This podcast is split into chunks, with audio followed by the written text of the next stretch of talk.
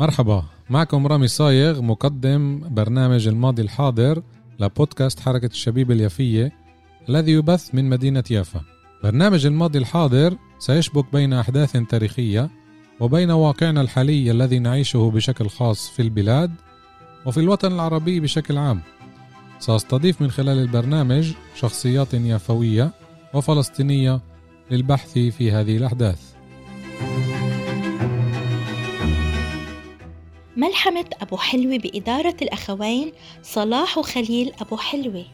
لحوم متبلة على أنواعها بتعين المرأة العاملة اللي ما عندها وقت كافي لأعمال البيت أو كمان اللي لساتها ما بتعرف كتير تطبخ إضافة إلى تموين بيتي للجميع من دجاج ولحوم حمراء على أنواعها.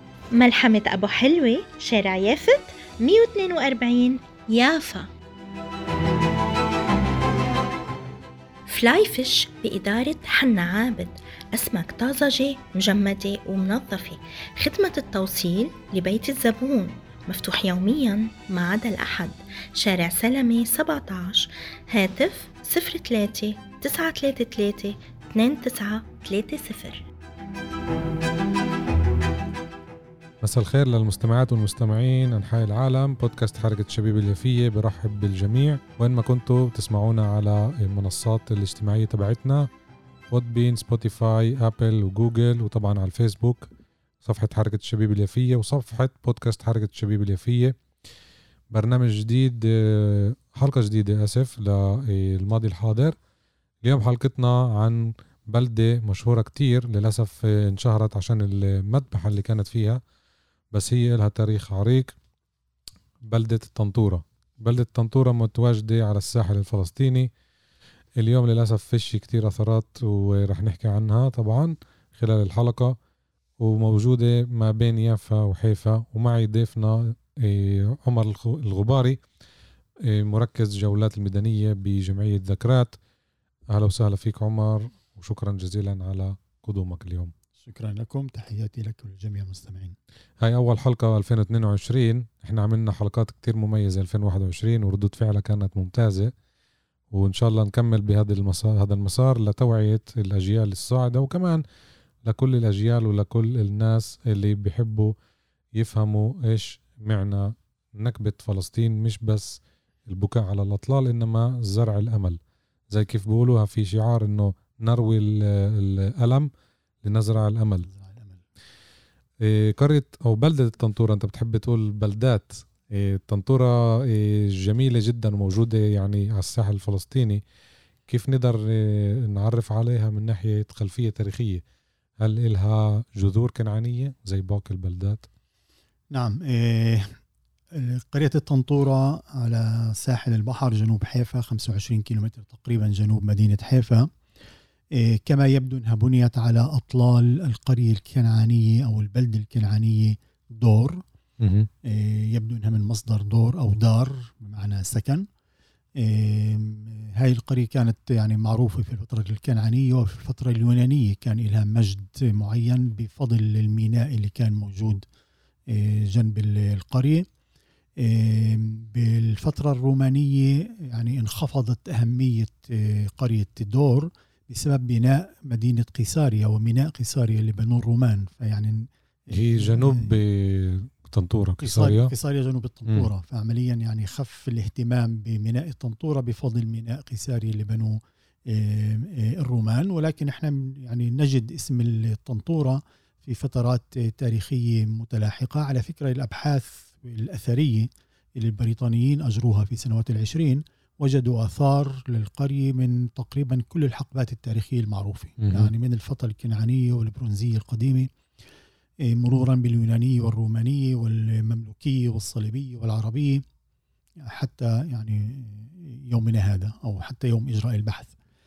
إيه، فهي يعني بلد حي بأغلب الفترات التاريخية. كبلد عربية فلسطينية في وضعها الحديث لحد م. احتلالها وتهجيرها عام 48 آه، يعود تأسيسها كما يبدو إلى القرن السادس عشر لأن يعني بالفترة العثمانية آه، بدأت تزدهر من جديد وتأخذ آه، أهميتها من من جديد وذكرت في عدة مواقع تاريخية منها مثلا اهتمام ظاهر العمر القائد العربي في الجليل القائد الجليل اللي أقام عمليا. دولة مستقلة تقريبا خلال الفترة العثمانية تمرد على السلطان العثماني وأقام دولة عربية في الجليل فاهتم بميناء الطنطورة وطوروا ووسعوا وشغلوا بشكل يعني آه، متواصل ب- من أجل تصدير البضائع من ميناء الطنطورة إلى سائر أنحاء العالم يعني يذكر أنه كان هناك تصدير للقطن من الطنطورة إلى أوروبا جميل. بفترة آه، ظاهر العمر. آه، ذكرت مرة أخرى بظروف آه، أقل بهجة في خلال الحملة ال- الفرنسية بقيادة نابليون بونابرت اللي مم. وصل فلسطين في عام 1799 وبعد محاصرة عكا وفشلوا في احتلال مدينة عكا خلال خروجه. هو يعني خلال سفره باتجاه عكا آه، استراح في في الطنطورة وبعد الحصار الفاشل آه، في طريق خروجه من فلسطين عمليا مر بالطنطورة ويقال حتى أنه قسم من المعدات ال- الحربية الثقيلة تركها هناك في الميناء وأحرق البلدة خربها وبعدين جنوده تركوا وطلعوا منها وبعدين رجعوا أهل البلد ورمموها من جديد وأحيوا البلد من جديد لأنه مباشرة في بداية القرن التاسع عشر 1830 و40 و60 مذكورة عدة مرات قرية الطنطورة كقرية جميلة لها ميناء لطيف تعتمد على الزراعة وعلى صيد السمك وفيها مباني حلوة بيوتها جميلة مبنية من حجر فيها فندق فيها مبنى للجمرك للضرائب بفضل الميناء يعني. البضائع اللي كانت تنزل على فلسطين من خلال ميناء الطنطورة كانت إيه، تسجل وتدفع الضرائب في مبنى الجمرك إيه، في الطنطورة جميل مع إنها قرية مش مدينة نعم مع إنها قرية رغم إنها يعني مش قرية صغيرة جدا لما نوصل يعني مم.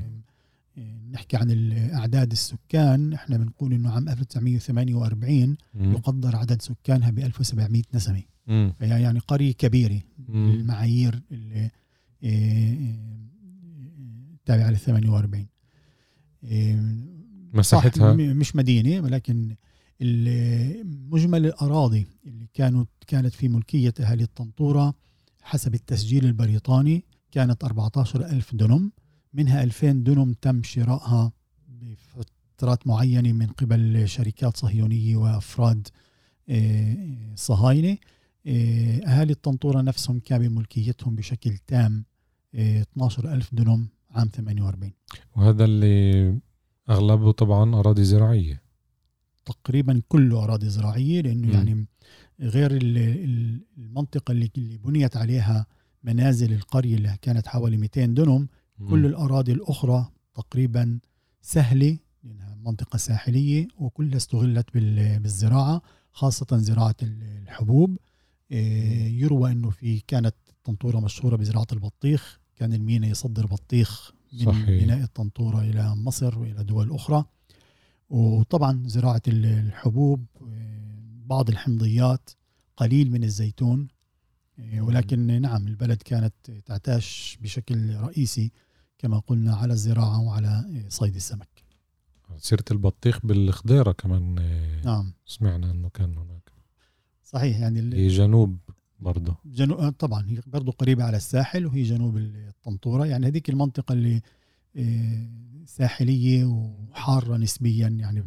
ملائمة. ملائمة لزراعة إيه، البطيخ مقاثي البطيخ. يعني بشكل طبيعي كان أهل البلدة معتشين من الزراعة وصيد السمك لأنهم على البحر. طبعا. طبعا وقسم منهم بالتجارة لأنه المينا كان شغال فكانوا يعني يتعاملوا كمان بال- بالتجارة.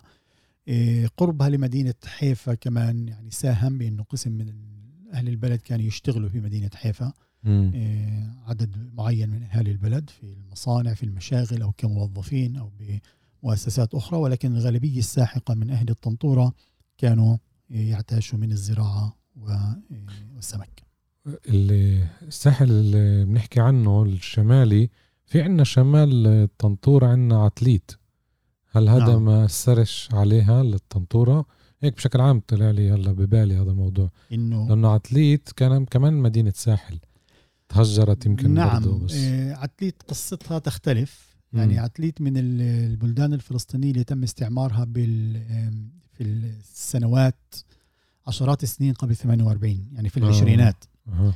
إيه، بطريقة اللي بنسميها إحنا الاستعمار الاقتصادي يعني كانت مم. تيجي شركات وهمية اللي تشتري أراضي أو حتى شركات صهيونية معروفة تشتري أراضي من إقطاعيين مم. اللي بنهاية الأمر كانت تستغل الشركات الصهيونية شراء الأرض وتدعي أنه خلص يعني حتى الناس اللي ساكنين هناك بطل لهم حقوق على الأرض وتطردهم بمساعدة ال- البريطانيين بهذه مم. الطريقة قبل 48 بالعشرينات والثلاثينات طردوا حوالي 60 قرية فلسطينية بهذا مم. بهذا الأسلوب واحدة منهم عتليت واحدة منهم عتليت رغم. أنه هناك روايات أنه بعض السكان ظلوا موجودين ولكن ظلوا موجودين عمليا مش كقرية يعني مستقلة ومتواصلة وإنما ك يعني ظلوا بفضل المستعمرة.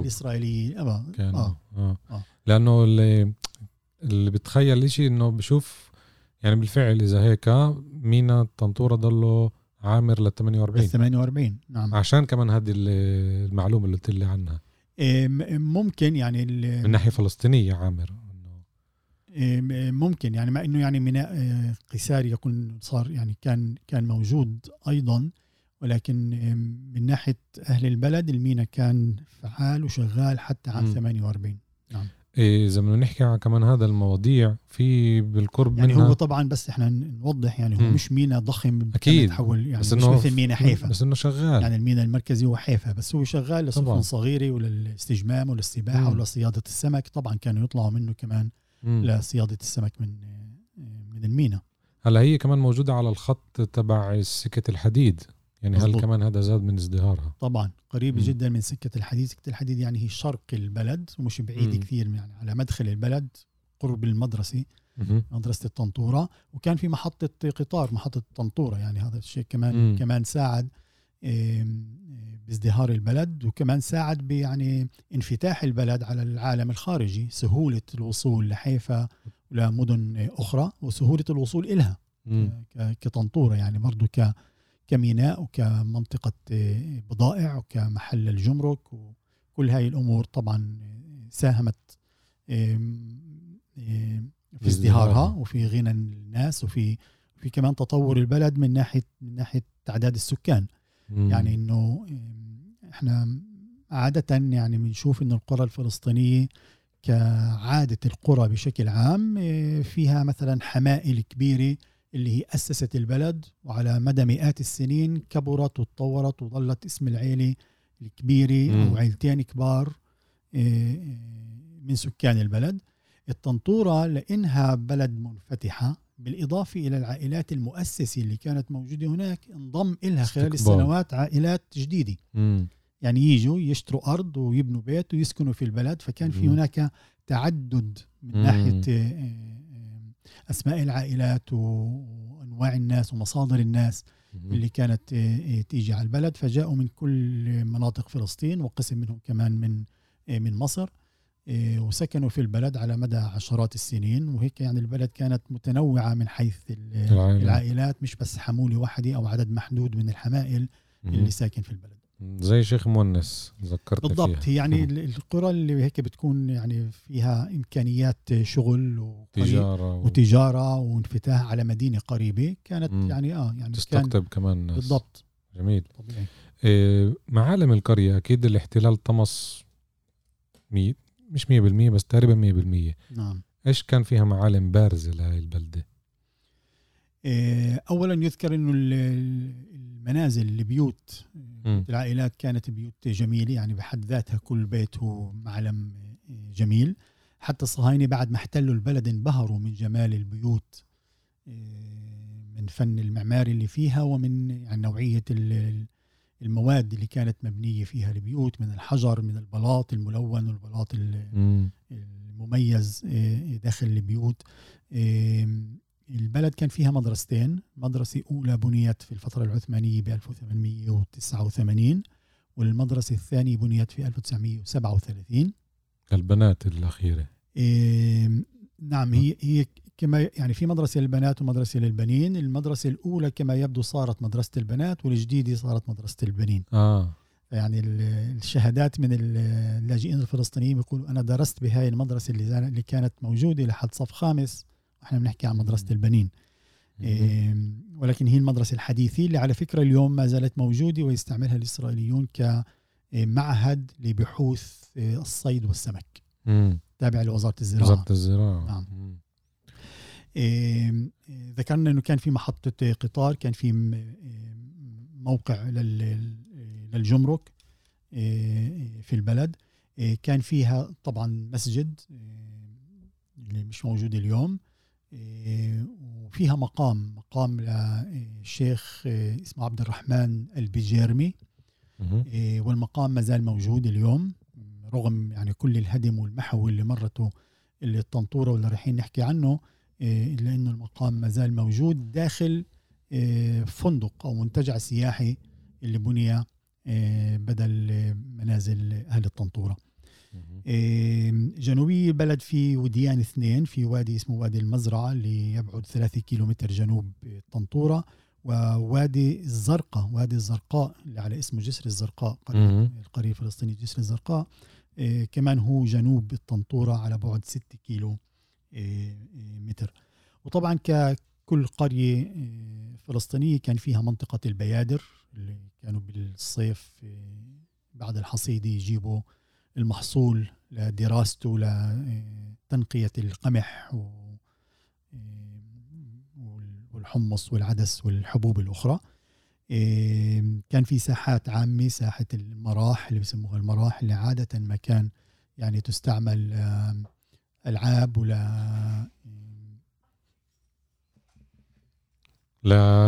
لركوب الخيل. أحيانا كان فيها مهرجانات وكان فيها مر...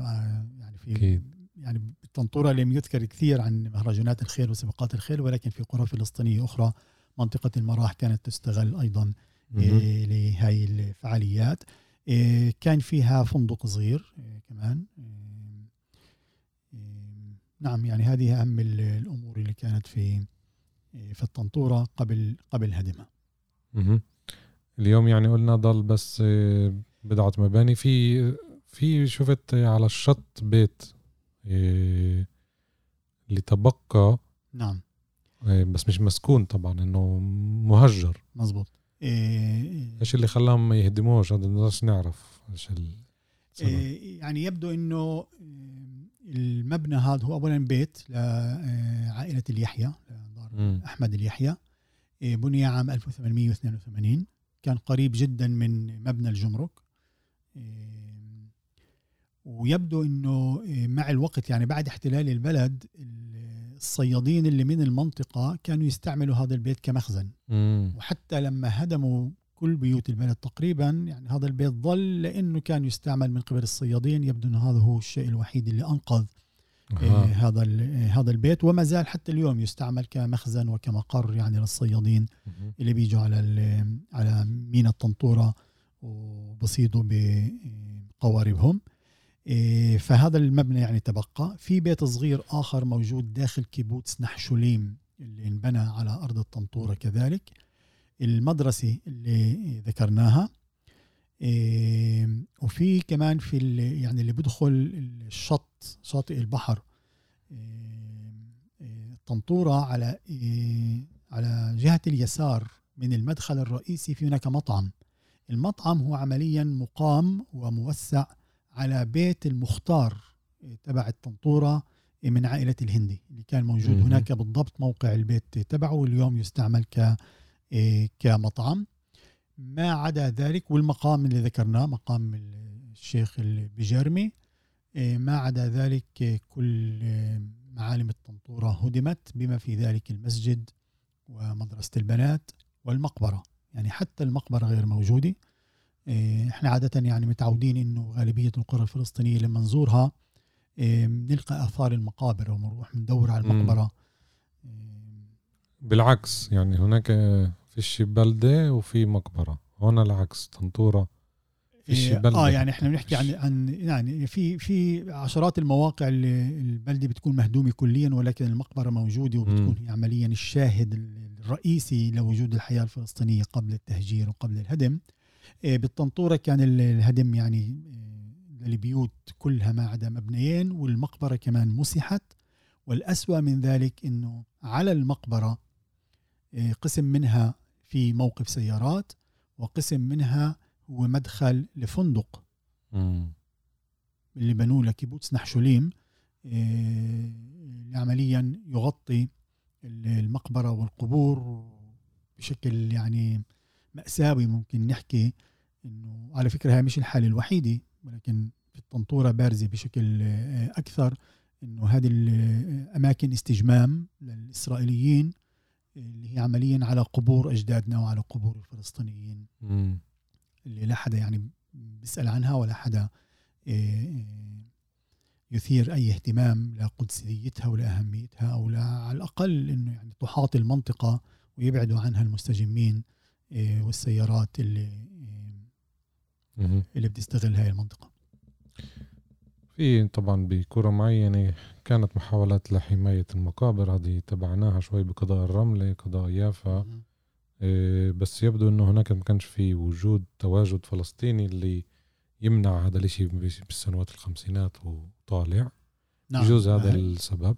هذه نقطة مهمة كثير يعني وضع الف... يعني إحنا لما نحكي عن حوالي 600 قرية فلسطينية مم. وبلدة فلسطينية ومدينة فلسطينية قد هدمت فيعني على الأقل في كل مك... كل بلد كان في مقبرة اللي ما يكون أكثر آه. ف... فأين هذه المقابر؟ يعني اليوم لما تروح أنت تشوف آه، معالم اللي ظلت من البلدان الفلسطينية فعلا عدد المقابر آه، آه، قسم كبير منها اختفى آه، طمس يبدو انطمس آه، آه، مباشرة بعد ال 48 وقسم اللي صرنا نشوف إنه عم يخفى وعم يسلب تدريجيا في هذه السنوات في هاي الأيام أمام. اعيننا وللأسف إحنا عاجزين على إنه ننقذ حتى المقابر يعني أقرب مثل علينا هو مقبرة الشيخ مونس جامعة تل أبيب بنت. قبل عدة سنوات إيه، سكن للطلاب. سموها مدينة الطلاب إيه، على مقبرة الشيخ مؤنس ورغم تدخل جمعيات و... وأهالي يافا وجمعيات فلسطينية أخرى لإنقاذ المقبرة. وتوجهوا لمحكمة إسرائيلية حتى يوقفوا عملية البناء ولكن للأسف المحكمة إيه، سمحت للجامعة أنها تبني هاي البنايات على المقبرة وهيك تقريبا اختفت كل المقبرة. يعني هم بالسبعينات أخذوا قسم بالألفينات أخذوا قسم آخر وظل بس جزء بسيط من المقبرة ما زال موجود. إيه، مثل آخر مؤسف ويعني مؤسف ومقرف في مقبرة مأمن الله بالقدس القدس مزبوط اللي هناك هدموا قبور وزاحوا العظام وبنوا عليها متحف يعني وشوف. السخري متحف التسامح مم. على عظام آه، وعلى مقبرة فلسطينية آه. وكمان على هذا السياق في مقبرة عبد النبي بيافا كمان نعم اللي هي صحيح. ون المنشية تم قطع المقبرة وبناء اوتيل هيلتون. هيلتون مزبوط إيه، وبتصريح رسمي يعني الشيء موجود عندهم كمان. صحيح. إنه إحنا بنعطي الإذن إيه، نبني. طب هذا دليل إحنا بنكشف هون الحقائق طبعا للجميع للي بيعرفش كمان من مستمعينا ومستمعاتنا. إيه بالنسبة للبلدة أنت ذكرت اليوم إيش إيه، يعني بده يجي هناك وين وين بده يشوف طنطورة؟ وينها؟ اليوم يعني بتوصل للطنطورة. اليوم. إيه، اولا أنا يعني بهذا السياق بحب أذكر إنه إحنا في مؤسستنا في ذاكرات إيه، آه، أصدرنا تطبيق للهواتف الذكية اسمه اي نكبه جميل أنا بدي أعطي ملاحظة هاي أنا استعملتها آه هاي وصار لي ثلاث سنوات بستعملها ممتاز ممتازة. يعني ممكن إنك على التطبيق تكتب اسم الطنطورة. وغير الشرح والمعلومات اللي عن البلد نفسها اللي ممكن تقرأها ممكن. تطلب كمان دليل إنه آه. وصلك لموقع البلد. فبتطلب آه، منه توجيه وباخذك على موقع البلد وين كان بال 48 مم. يعني حتى لو ما في أي معلم ولا أي شارع رئيسي آه، موقع البلد كيف كان موجود بالخرائط البريطانية قبل ال 48 موجود في هذا التطبيق مم. آه، تقريبا كل البلدان الفلسطينية اللي آه، اللي هجرت واللي هدمت مم. فهذه طريقة واحدة كيف توصل الطنطورة إيه، حاليا حسب الخرائط الإسرائيلية يعني الطنطورة موجودة على موقعها موجود على ساحل البحر زي ما ذكرنا 25 كيلومتر جنوب حيفا مقابل قرية الفراديس قرية الفراديس أقرب قرية فلسطينية على الطنطورة موجودة عمليا على, شرقة. على التل شر من جهة مم. الشرق. ومن الفراديس ممكن أنت تطل وتشوف كل الطنطورة تحتك يعني المنظر كله. إيه، فبعد مدخل الفراديس على جهة اليسار يعني باتجاه البحر في مدخل للمستعمرتين الإسرائيليات اللي أقيمتا على أراضي الطنطورة كيبوتس نحشوليم. ومشاف دور مم. والمنتجع السياحي اللي بيسموه كفار دور هذه الثلاث آه، مستعمرات أو الثلاث منشآت آه، هي عمليا آه، قرية الطنطورة مم. فاللي بيسافر لهناك عمل بيوصل لهذه المنطقة وزي ما ذكرنا يعني مركز البلد تحول إلى منتجع سياحي في موقف سيارات واسع كثير اللي زي ما ذكرنا قسم منه للأسف مبني على المقبرة وقسم له علاقة كمان بالمجزرة اللي كانت في الطنطور اللي راح نحكي عنها كمان شوي. و وفي شط بحر مفتوح للمستجمين ولل بده يسبح وكمان صيد السمك. فالمنطقة اليوم يعني لل... للأسف ولحسن الحظ في نفس الوقت إنها مفتوحة وكل واحد ممكن يوصلها ويطلع على ال... على مم. الأشياء اللي تبقت من من الطنطورة. من جهة ثانية يعني كل الإسرائيليين بيستعملوها كمنتجع وكمستجم بدون أي معلومات عما حصل فيها خاصة يوم احتلالها والمجزرة اللي ارتكبت إيه، في 22 23 5 1948 على فكرة على سيرة اليوم مكتوب شط طنطورة بالعبري. بذكروهاش إيه، ممكن تلقى الاسم يعني بمكان أو يعني بشكل رسمي لا. لا. هو اسمه حوف دور اسمه آه. شاطئ دور. لأنه في مرات الاسم العربي منحاش زي مثلا نعم. الطالبية بالقدس ضل مع إنه أعطوا اسم ضل عبري بالتداول الشعبي ولكن بالضبط. رسميا له اسم عبري أكيد لا لا آه. هذا قصدي إنه آه. من محاش آه، حتى بالحيز العام آه فاسم الطنطورة يعني ما زال متداول عند بعض الإسرائيليين آه. طنطورة نعم ولكن رسميا هو اسمه شاطئ دور تغيير الاسم. طبعا هذا كمان جزء من الطامس بس إنه مرات من بنشوف من خلال زيارات لمواقع مختلفة إنه مثلا برضه منشية آه، انمحت بس في هناك آه، مصف سيارات سموه منشية. مصف المنشية صحيح. يعني إنه في سلمي كمان. هسه في آه، القطار الحديث اللي عم قاعدين بيبنوا فيه في تل أبيب مم. في محطة اسمها محطة سلمي فبالعبري سموها محطه سلمي لأنه في شارع سلمة يعني بيافا. صح. شوي هو برضه يعني هذا إشي متداول ولكن إذا بتقرأ اللافتة جيدا هو ما اسموش شارع سلمي اسمه شارع شلمة. آه. شوهوا الاسم لشلمة ولكن ما حداش بيستعمله فالكل بيستعمل كلمة سلمي امم صحيح. إيه، البلدة طبعا تم احتلالها بنفس الفترة اللي تم احتلال آه، أغلب فلسطين. أنت هلا ذكرت يعني بشهر خمسة يعني بعد تأسيس الدولة العبرية. نعم. فأكيد كان أسهل لهم.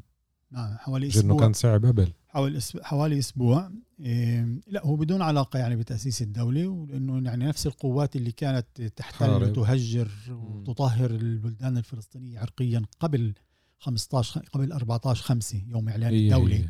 هي نفسها نفس القوات اللي كملت بعد آه، إعلان آه، إقامة الدولة. عمليا الطنطورة ظلت القرية الوحيدة على الساحل بين يافا وحيفا اللي لم تهجر آه، حتى يعني ذيك الفترة في شهر آه، أيار مم. آه، حتى مدينة يعني يافا سقطت تقريبا في. يعني من من نهاية شهر أربعة لأوائل شهر أيار كانت البلد خلاص صارت حيفا محتلة سقطت كليا ب 22 حيفا ب نيسان. 22 4 إيه، فعمليا يعني الطنطورة صارت يتيمة مم. إلى حد ما ولكن وجودها على الميناء إيه، ساهم بطريقة معينة إلى وصول بعض الإمدادات العسكرية عن طريق البحر مهم. متواضعة ولكن وصلت إيه، فمن جهة هي كانت على على شاطئ البحر إيه، كشوكة في حلق يعني الخطط الصهيونية اللي بدها تطهر كل شاطئ البحر قريبة على الشارع الرئيسي الموصل بين حيفا وياف ويافا اللي اليوم يعني شارع أربعة. إيه، قريبة على سكة إيه، الحديد. وبالإضافة إلى ذلك الإمدادات اللي كانت تيجي إلى ميناء الطنطورة كانت تصل إلى ثلاث قرى أخرى فلسطينية لم يتم احتلالها بعد وكانت قرى قوية. هي ما تسمى بقرى مثلث الكرمل. اللي هي عين غزال وإدزم وجبع.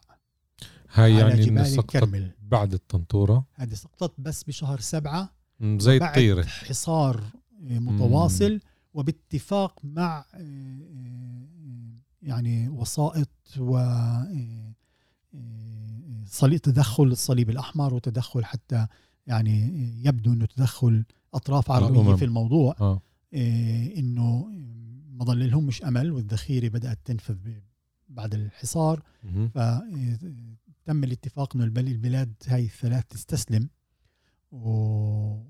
وتوقف في مقاومة وفعلا يعني الناس استوعبوا إنه المقاومة بطل بمقدورهم إنه يكملوا يعني هذه المقاومة وهيك تم احتلال هذه القرى بشهر سبعة بآخر سبعة 26 سبعة تقريبا يمكن.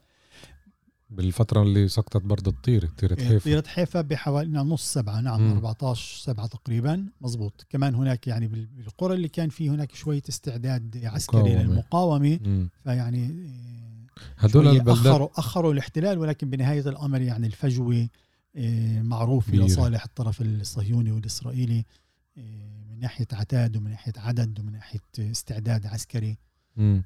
فيعني ما حتى البلاد اللي فيها مقاومة لحد معين ممكن يتقاوم بعدين الذخيرة تنفذ وبنتهي الموضوع. أكيد يعني ذكرتني بالحلقة من الحلقات القديمة مع يوسف عصفور لما حكينا عن كتاب بلال شلش الحامية العسكرية. يعني يافا ما. سقطتش يافا المدينة الكبرى هذه اللي بس خلصت الذخيرة. بالضبط. وأهل البلد يعني قبل ما تخلص بشوي صاروا يتركوه خوفا على أرواحهم. نعم. إيه طب هاي البلدات الثلاثة إيه إيش اليوم موقعها؟ آه، برضو في مستعمرات كلها هجرت آه، نهائيا. كليا آه. واليوم بدل عين غزال في عين أيلا. على فكرة. يعني ترجمة للاسم على فكرة. مم. يعني في كارم مهرال محل إجزم. ففي مستعمرات إسرائيلية ومع أسماء عبرية. يعني أها. بعض طبعا الآثار البلاد موجودة آثار القرى. يعني في اجزم بعد موجود بيت عربي فخم جدا قصر لعائلة الماضي ما زال موجود. واليوم إيش بيستعملوه الإسرائيليين بيستعملوه الإسرائيليين. إيه، كرم مهرال. آه. و إيه، بعين غزال في مقام. ما زال موجود بيحاولوا إيه، قسم من الفئات مجموعات إسرائيلية متدينة تستولي على هذا المقام تحولوا تحولوا تهودوا عمليا مم. تحولوا لمقام إيه، مقدس إيه، يهودي. إيه، وظل يعني آثار البيوت أشجار الصبر ما زالت يعني موجودة في المنطقة ولكن كل البيوت تقريبا مهدومة وكل السكان طبعا مهجرين. بالنسبة للطنطورة مم. فالهجوم على الطنطورة كان ب بشهر خمسة هذا الهجوم الأخير يعني كانت عدة محاولات لمهاجمة البلد وتهجيرها ولكن كانت محاولات يعني خفيفة وجس نبض يعني ما نجحت في البداية لأنه برضو يعني أهل الطنطورة كانوا مستعدين من ناحية مقاومة على قدهم يعني كبلد آه، آه، صغير آه، فالهجوم اللي بناء على خطة يعني مدروسة ومقررة لاحتلال الطنطورة وتهجير أهاليها بشكل واضح كان مطلوب آه، تنفيذ آه، تطهير منطقة الساحل كلها ب 22 5 ليلا بدا الهجوم من أربع جهات بما في ذلك البحر قصفت البلد من البحر ومن الشرق وتم الهجوم عليها من الشمال والجنوب عمليا حوصرت. قاوم من يستطيع المقاومة لبضع ساعات نفذت الذخيرة سقط شهداء وتم الاستيلاء على البلد عمليا في ساعات الفجر يعني 23 مم. 5 فجرا وإحنا بنحكي إنه معظ- معظم أهالي البلد ما زالوا موجودين في الطنطورة. اللي حصل في صباح 23 5 هو واحدة من القصص والفصول المأساوية جدا في النكبة اللي شملت إيه، كل الجرائم اللي ممكن يعني تتخيلها بالنكبة. إيه، جرائم حرب وجرائم ضد الإنسانية حسب القانون الدولي وجرائم يعني بأي طريقة توصفها. إيه، شملت إعدام أسرى شملت مجزرة لمدنيين محاولة اغتصاب تهجير كامل السكان مع إنه المعركة انتهت. ما فيش محا... فيش مقاومين وما فيش حرب واستولوا على كل شيء ولكن هجروا ال... ال... كل السكان. قاموا بفصل النساء والأطفال الصغار ب... ل... وركزوهم بمنطقة معينة في البلد. أخذوا الشباب والرجال إلى منطقة أخرى. وهناك آه، في موقعين على الأقل من البلد تم إعدام ما لا يقل عن 200 شخص. وبعدين آه، جابوا شاحنات وحافلات وحملوا النساء والرجال والأطفال والمسنين وطردوهم في المرحلة الأولى إلى قرية الإفراديس. وطبعا استولوا على البلد بشكل آه، كلي. ونتيجة المجزرة يعني الجثث عشرات الجثث اللي متناثرة في أنحاء البلد كان في حاجة لدفنها قبل ما أولا تكتشف الجريمة وقبل ما تنتشر الروائح والأوبئة آه، من الجثث. ففي آه، الأيام اللاحقة من 23 خمسة لعدة أيام بعدها جاءوا ناس آه، من طبعا من طرف الجيش الإسرائيلي قسم منهم من المستعمرة الإسرائيلية زيخرون يعقوب اللي كانت موجودة قبل ال 48 وكانت جارة إلى حد ما إلى قرية الطنطورة. والجيش الإسرائيلي أحضر ناس من قرية الفراديس المجاورة وطلب منهم أنه يدفنوا الجثث. فنعلم من شهادات لاجئين فلسطينيين ومن شهادات ناس شاركوا في الدفن بأن هناك قبر جماعي لعشرات الجثث موجود في موقف السيارات اللي وصفته قبل شوي في مدخل منتزه شط الطنطورة. وقسم من الجثث آه، دفنت في المقبرة وقسم كما يبدو قريبة على شاطئ البحر قريبة من بيت أحمد اليحيى اللي آه، ما زال موجود. هناك بعض الروايات تقول بأن المقبرة الجماعية اللي كانت في موقف السيارات يبدو أنها حفرت لاحقا وأخرجت الجثث واندفنت في المقبرة ولكن لا تأكيد لهذه الرواية. من قبلهم؟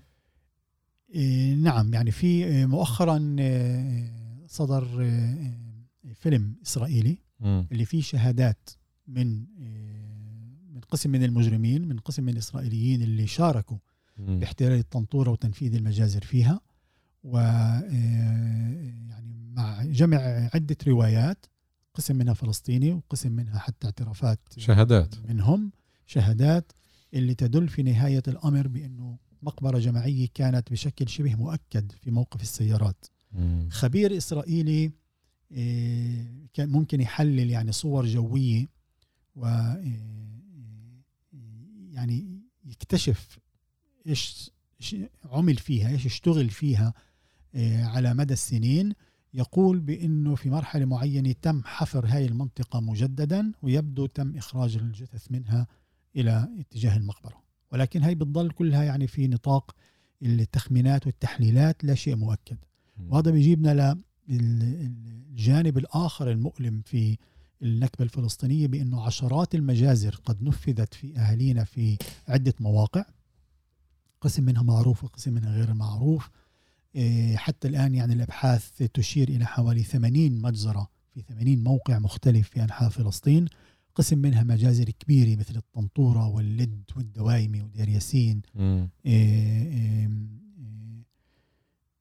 والصفصاف وغيرها من القرى. وقسم منها يعني مجازر صغيرة ولكن بتظل أيضا مجازر وجرائم مؤلمة. وللأسف الشديد لا نعرف أين الجثث للشهداء هذول. وما في أي مؤسسة ما في أي جسم اللي يطالب على الأقل بكشف مواقع هذه المقابر الجماعية وعمل شيء معين فيها. م. التوجه إلى مؤسسات دولية الشكوى ضد آه، آه، إسرائيل على جرائم حرب وجرائم ضد الإنسانية. يجب العمل آه، بشكل معين على الأقل لإبراز هذا الموضوع اللي هو مخفي وما حداش بيحكي عنه. عمل خطوة معينة لتجريم إسرائيل دوليا. وفي مناطق معينة ممكن أنه يعني كفلسطينيين على الأقل اللي موجودين آه، قريب من هذه المناطق اللي ينعمل آه، نصب تذكاري أو تحديد للمقبرة أو أي عمل آخر اللي تظل هاي المقابر جزء من التاريخ الفلسطيني جزء من كشف الحقيقة جزء من الهوية الفلسطينية آه، اللي يجب الحفاظ عليها. أكيد بس طبعا طالما الاحتلال يعني هو عارف إيش جرائم جرائمه مش راح يوافق على يمكن واحد بالمية من مطالبنا مظبوط سيرة ولكن ال- ال- الأمور. اللي يعني بالقنوات الدولية. وبتقديم شكاوى وكتابة تقارير هاي ممكن نعملها بدون علاقة بإسرائيل أها. وفيش حاجة لطلب منها اي أي أكيد بتروحش أنت للظالم بس تعال نفوت على هذا السيناريو يعني أنا إيه، بدي أتخيلها كيف يتم ال- البت بالموضوع يعني إنه هل جمعيات حقوق إنسان تتوجه يعني للمحكمة الدولية؟ نعم ممكن جدا. ممكن حتى يعني أجسام فلسطينية في الداخل يعني عندنا لجنة المتابعة ممكن تعمل شيء في الموضوع. مم. جمعية المهجرين ممكن تعمل شيء في هذا الموضوع. مم. والمرحلة العملية تاعنا تم تقديم الشكوى للمحكمة الدولية بهاج لهاي.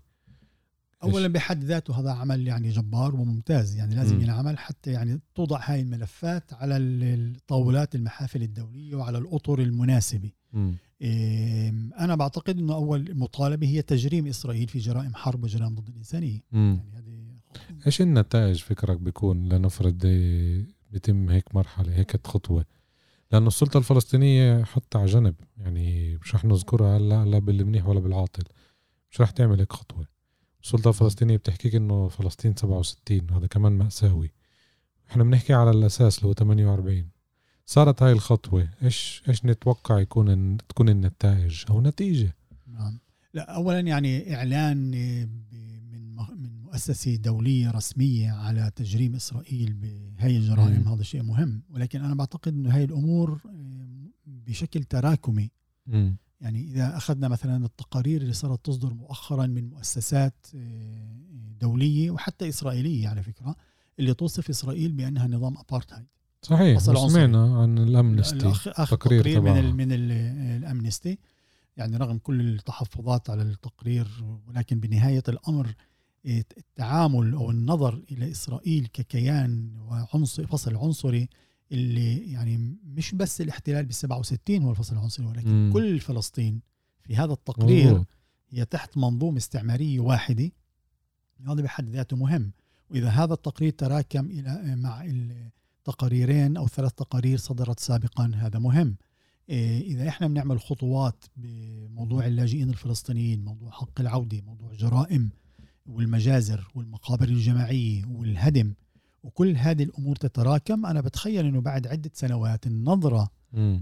للوضع الإسرائيلي الفلسطيني ستتغير في المحافل الدولية اليوم للأسف الشديد يعني فيش ذكر طبعا فيش ذكر يعني الأمم المتحدة والدول الغربية كلها تنظر إلى أنه يعني صراع بين جيران. آه، على مختلفين على الأرض وعلى الحدود يعني. بشكل سطحي خلوش على جدا العمق آه. سطحي جدا ويخدم الفكر وال- والمشروع الصهيوني بنهاية الصهيوني. الأمر مم.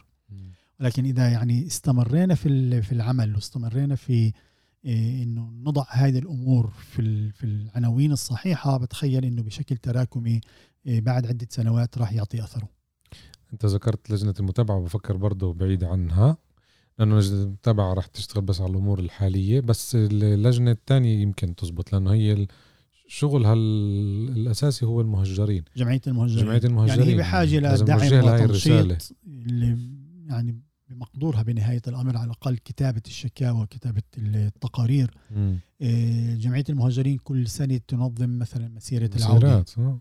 مسيرة العودة اللي تنظم في نفس اليوم اللي إسرائيل تحتفل بين قوسين بما يسمى استقلالها التاريخ العبري نعم مم.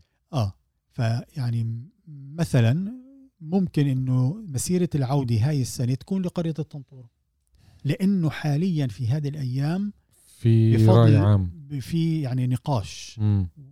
نقاش داخلي إسرائيلي بفضل الفيلم وفضل يعني بعض المقالات اللي كتبت باللغة العبرية اللي أثارت الموضوع من جديد مم. لأنه هذا الموضوع آه، الإسرائيليين اللي بيحاولوا يخفوه قدر الإمكان يعني صار في هنا آه، آه، يعني ثغرة أو تصدع معين في. الرواية الإسرائيلية اللي أشخاص شاركوا بالمجزرة وشاركوا باحتلال الطنطوره اعترفوا أخيرا آه، وعمرهم فوق التسعين سنة اعترفوا بأنهم قاموا بإعدام آه، مدنيين وبإعدام ناس غير مسلحين وبمجاز مجزرة في في. طيب يعني نستغل الظرف ونستغل النقاش السائد الموجود صحيح. في في هاي الأيام ونعمل خطوة إضافية.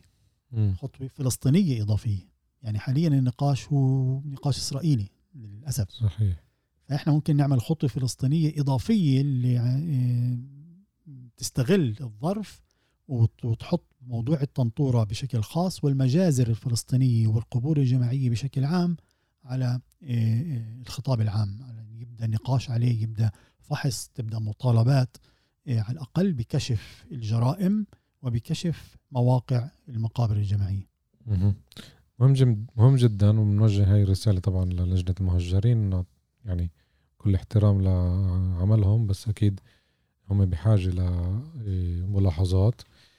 إيه، خبرتني إنه في للجمعية جمعية ذاكرات جولة لموقع الطنطورة ب 25 2 يوم الجمعة الساعة واحدة ونص.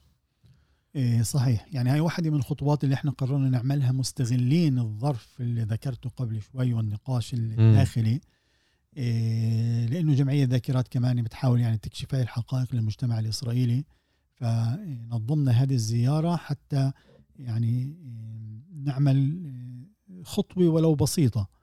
إيه، في في في هذا الاتجاه ان نكشف قصة الطنطوره لعدد آخر وعدد أكبر من الجمهور اللي بحب إنه يستفيد إيه، من هاي المعلومات اللي سيتم خلال الجولة زيارة المعالم ما زالت موجودة في في البلد اليوم وشرح المعالم اللي محيت وطمست والتوقف عند المحطات اللي لها علاقة بالمجزرة وبالاحتلال بال 48 والشرح عنها والحديث عن الشهادات اللي بتحكي عن تنفيذ آه، مجزرة آه، ترك لافتات باسم البلد ومواقع المقبرة والمسجد والمدرسة.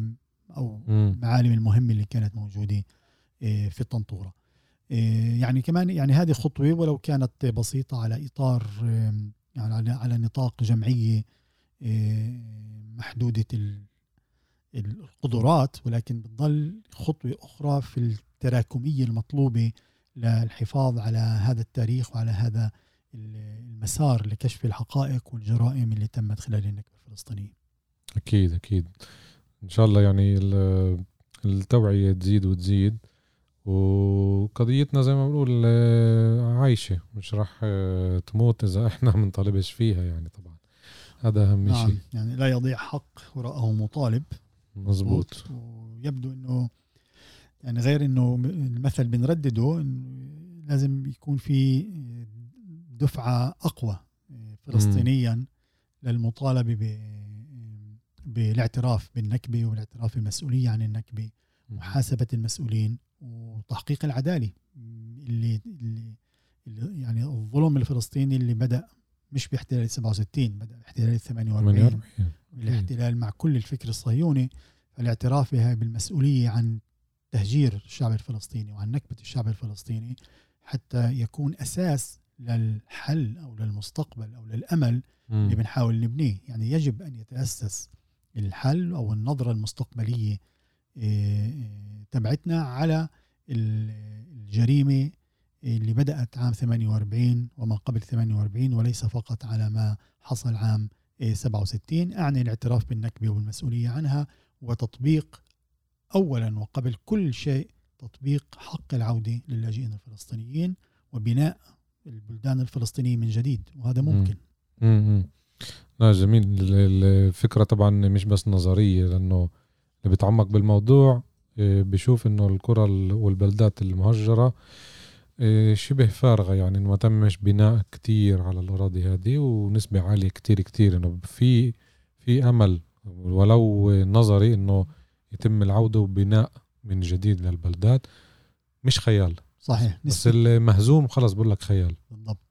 نسبة كبيرة جدا أولا من مواقع البلدان الفلسطينية يعني ما زالت فارغة من ناحية يعني منشآت وبلدان إسرائيلية من ناحية مستعمرات إسرائيلية. ولكن حتى اللي بني عليها يعني هناك كثير من من الخطط والبرامج اللي ممكن آه، تنفذ فيها حق العودة. آه، حصل يعني إحنا مش آه، لا نختلف عن شعوب تم استعمارها وبناء دول عليها. وبنهاية الأمر تحررت وتم الاعتراف بالمسؤولية عنها وتم بناء أو على الأقل بشكل تدريجي بناء المجتمع الأصلاني. من من جديد. كله طبعا بده يستند على الاعتراف للمستعمرين والمجرمين بالجرائم والاستعداد لإيجاد آه، حلول مستقبلية. بما يتعلق بالعودة الفلسطينية للأسف يعني رغم انه كل الأطراف الفلسطينية مجمعة على الاعتراف بحق العودة وعلى تطبيق حق العودة ولكن لا يوجد أي جسم ولا أي مؤسسة ولا أي منظمة فلسطينية اللي تعمل على تنفيذ حق العودة. يعني يبقى العودة زي ما ذكرت إنه كحلم أو كشعار رمز. لا توجد قناعة من وراء الشعار إنه يمكن تطبيقه. ما يجب فعله هو طرح برامج وخطط عملية لكيفية تطبيق العودة وهذا ممكن. على الأقل في هناك بعض المبادرات اللي بدأت يعني بالسنوات الأخيرة بالنشوء. إيه، إحنا في جمعية ذاكرات حاولنا يعني ننبش الموضوع عندنا ورشات اللي تعاملت مع هذا الجانب العملاني للعودة كيف ممكن تطبيقها. إيه، في مؤسسة فلسطينية في بيت لحم إيه، بديل مؤسسة بديل لمصادر حقوق اللاجئين. تعاملت مع موضوع العودة الفعلية والدكتور الباحث سلمان أبو ستة يطرح برامج واقعية لكيفية تنفيذ العودة الفلسطينية مع خرائط ومع أرقام ومع ميزانيات مع يعني كل ما يمكن وما يجب عمله من أجل الاستعداد للعودة الفلسطينية، يعني أنا لست بهذه السذاجة اللي أفكر إنه العودة إذا حكينا عنها أو خططناها ستتم، ولكن على الأقل من ناحية ذهنية ومن ناحية سياسية ومن ناحية أيديولوجية إحنا مصممين على هذا الموضوع وفي عنا برامج عملية لكيفية تطبيق هذا الموضوع، ليس فقط شعار آه، أو حلم بعيد المدى لا يمكن لا يمكن تطبيقه. أنا حسب رأيي بما يتعلق بالعودة لازم لازم يعني يبدأ العمل بهذا الاتجاه اللي هو كيفية التطبيق وليس فقط التغني بالشعار والرومانسية والحلم بالعودة. جميل جدا. آه، آخر سؤال هل في مجال يعني لجمعية ذكرات هي تقدم طلب شكوى ولا عشانها تحت إطار آه، رسمي يعني إنه يصير إيه إحراج ولا؟ لا ممكن يعني نظريا مع أنا غيرها مش لحالها بس إنه هي تكون جزء من اللي بيقدموا الطلب مثلا ولا ما كانش ببالكم هذا ال... هاي الخطوة؟ لا يعني هو مش هو مش من طابع آه، عملنا. مم. بس لهذا لأنه حقوقي آه يعني إحنا مش فعلا إحنا مش يعني مؤسسة حقوقية. مم. إحنا مستعدين نساهم مع أي طرف آه، بمعلومات بنشاطات بفعاليات طبعا بالانضمام لأي عريضة ولا اي شكوى مفضل طبعا إنه الطرف الفلسطيني يقوم بهذه الشكوى. آه. مع أجندة فلسطينية مع هدف فلسطيني بدون علاقة يعني بالأصوات ولو كانت نادرة يعني بالأصوات اللي ممكن تكون في في الطرف الإسرائيلي من أشخاص أو مؤسسات غير صهيونية مثل ذاكرات. إن شاء الله. يعني هذه دعوة للجميع اللي, عنده اهتمام بهاي القضية. زي اللي أنت ذكرته هلا ببيت لحم وجمعيه المهجرين إنه يكون في هاي الوحدة. مش بس وحدة رمزية إنما يكون في خطوات عملية إن شاء الله يعني نعم. مهم جدا. للمستقبل القريب. عمر الوباري مركز الجولات الميدانية جمعية ذاكرات يعطيك ألف عافية. شكرا كتير على التفاصيل هاي اللي أعطيتنا خاصة الفقرة الأخيرة من الحلقة كانت كتير مهمة إلي لوجهها للمستمعات والمستمعين حوالين العالم إنه نحن بنحكيش بس إنه مش بس سرد بدنا كمان عمل. وهذا الإشي كتير سلط لنا الضوء وإن شاء الله بالمستقبل القريب نلاقي نتائج. إن شاء الله. شكرا جزيلا لك رامي وكل احترام على هذه المواظبة على تناول هذه المواضيع. شكرا لك وشكرا للمستمعين. زي ما ذكرت ببداية الحلقة بتقدروا تسمعونا بودكاست حركة الشبيبة اليافية على تطبيقات Spotify Podbean Google و Apple طبعا عندنا صفحتين بالفيسبوك. حركة الشبيبة اليافية وبودكاست حركة الشبيبة اليافية حلقة جديدة راح نلتقي كمان أسبوعين. شكرا لاستماعكم والله معكم.